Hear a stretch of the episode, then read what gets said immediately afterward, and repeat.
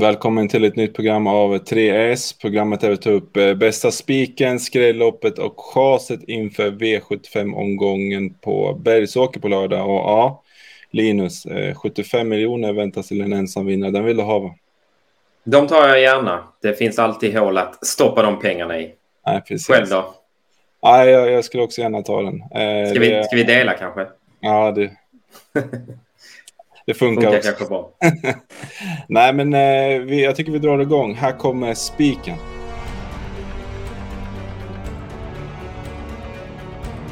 Spiken Linus, var hittar vi den? Den väntar vi med tills i avslutningen. Vi hoppas att vi har en lika bra spik att bjuda på som vi hade här i onsdags när vi spikade Born Bergen. Eh, det är då vår tipsetta och favoriten 6 Sun Motör. Eh, jag tror de flesta som tittar på det här programmet har koll på den här hästen. Det rör sig om eh, en rent av landets bästa häst. Det får man väl säga tills eh, motsatsen är bevisad. Kanske rent av en av de bättre i, i världen eller i alla fall i Europa här. Um, ja, mycket sagt som sagt. Vi behöver ingen närmare presentation av honom. Han kommer från en stabil insats i Årjäng där han vann utan att vara som bäst fick man reda på sen i efterhand. Ju. Det var ju rätt eh, det var väl okej okay rapporter inför, men efteråt så, så påtalar man då från stallet att de inte alls hade varit nöjda med uppladdningen. Så att eh, den här gången räknar de ju med en betydligt bättre sandmotör och en sandmotör på toppnivå, det vet vi vad han kan. Så eh, ja, vi spikar sandmotör och hoppas, eller tror, att han vinner från dödens.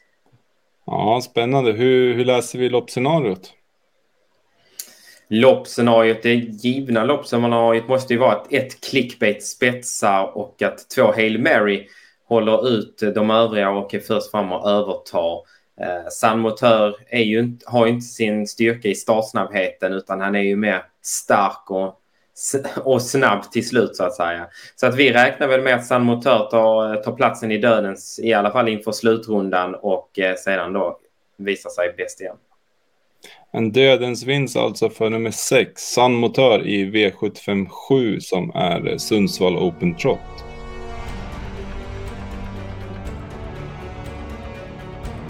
Spiken avklarad. Eh, vart ska vi hitta skrällarna Linus? Vi går till en gammal kär vän som man kan säga. Det är V75 4, Diamantstoet. Två voltstart, två volter. Här har vi genom åren sett att det brukar smälla och eh, lördagens lopp ser inte ut att vara något undantag. Nej, jag ser också här att eh, nummer 13 Imatra Am är eh, ja, ganska klar favorit i sina 36 procent i, i nuläget. Ja, det är inte så enkelt kanske att hämta in de 20. Det är också 12 hästar på start, så ja, det är många hästar att runda. Så ja, vilken eh, skräll eller vilka skrällar ska vi se upp med här? Ja, vi tycker man ska se upp för eh, framförallt nio Donna Summer.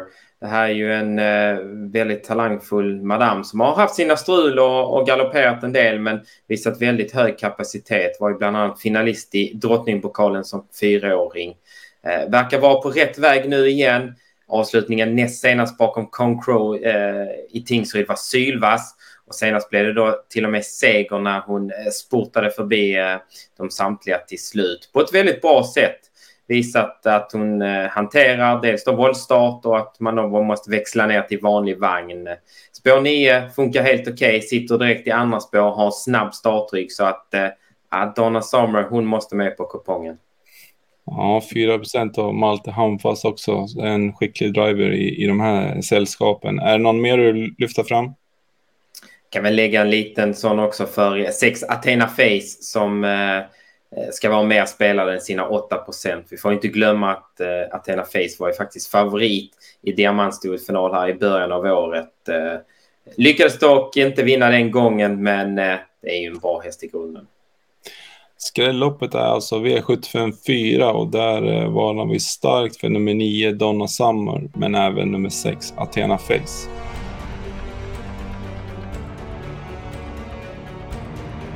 Då är vi inne på sista rubriken. Eh, vilken häst är det vi chasar, eh, Linus?